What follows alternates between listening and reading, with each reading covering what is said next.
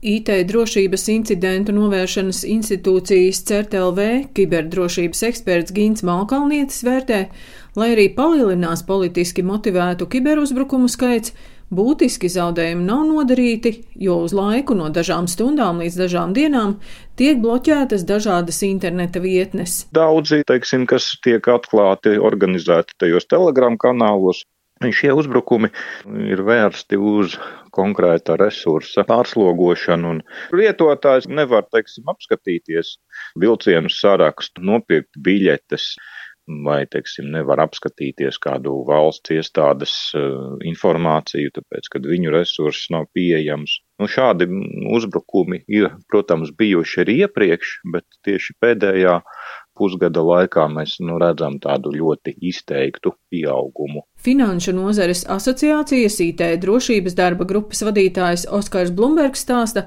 ka finanšu nozarē visvairāk krāpniecības gadījumi saistīti ar klientiem, kas paši visbiežāk telefonu sarunas laikā atklāja noziedzniekiem savus karšu datus un citu informāciju.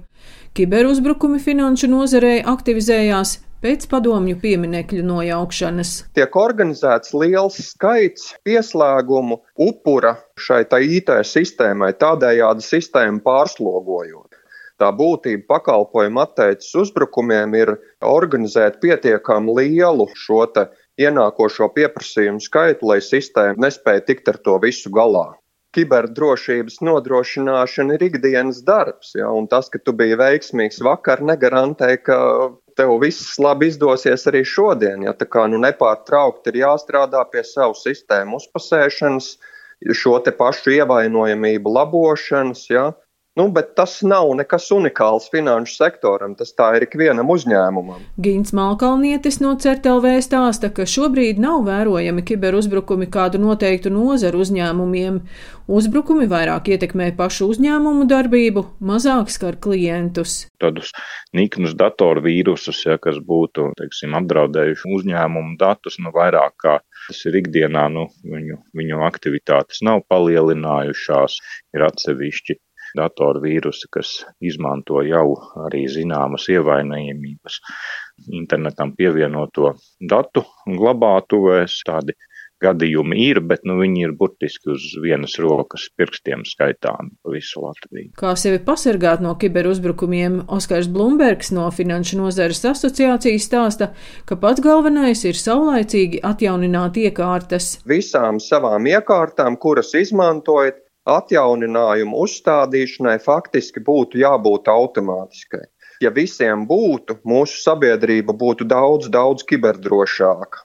Par finanšu noziegumiem nu, tāda pamata lieta ir izturēties pret visu, kas šķiet aizdomīgi labs ar veselīgu skepticisma devu ja tas pakalpojums izklausās ļoti, ļoti izdevīgs, noteikti jāpapēta, kas ir tas pakalpojums sniedzējs lai pasargātu sevi no iespējamās krāpšanas. CERTLV kiberdrošības eksperts Gins Malkalnietis uzsver programmatūras atjaunināšanas nozīmi. Jāsako līdzi, vai, teiksim, atjauninājumi jūsu modelim, jūsu izmantotajā operētāja sistēmai ir, vai viņi ir uzliekami, vai varbūt, teiksim, šīs operētāja sistēma ir novecojusi un datora drošība netiek uzturēta. Ja.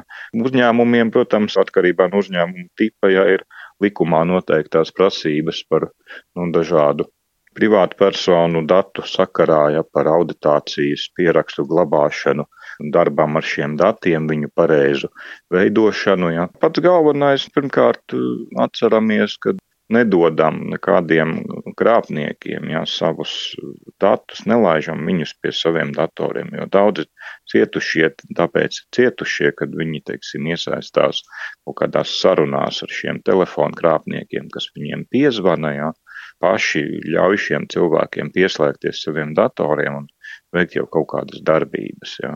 Tāpēc nu, nu, nedāvinām naudu krāpniekiem. Ja no kāda uzņēmuma tiek nozagti klientu dati, visbiežāk vārds, uzvārds, telefons vai adrese, uzņēmumam par to jāziņo datu valsts inspekcijai, kas par to informēs privātpersonas.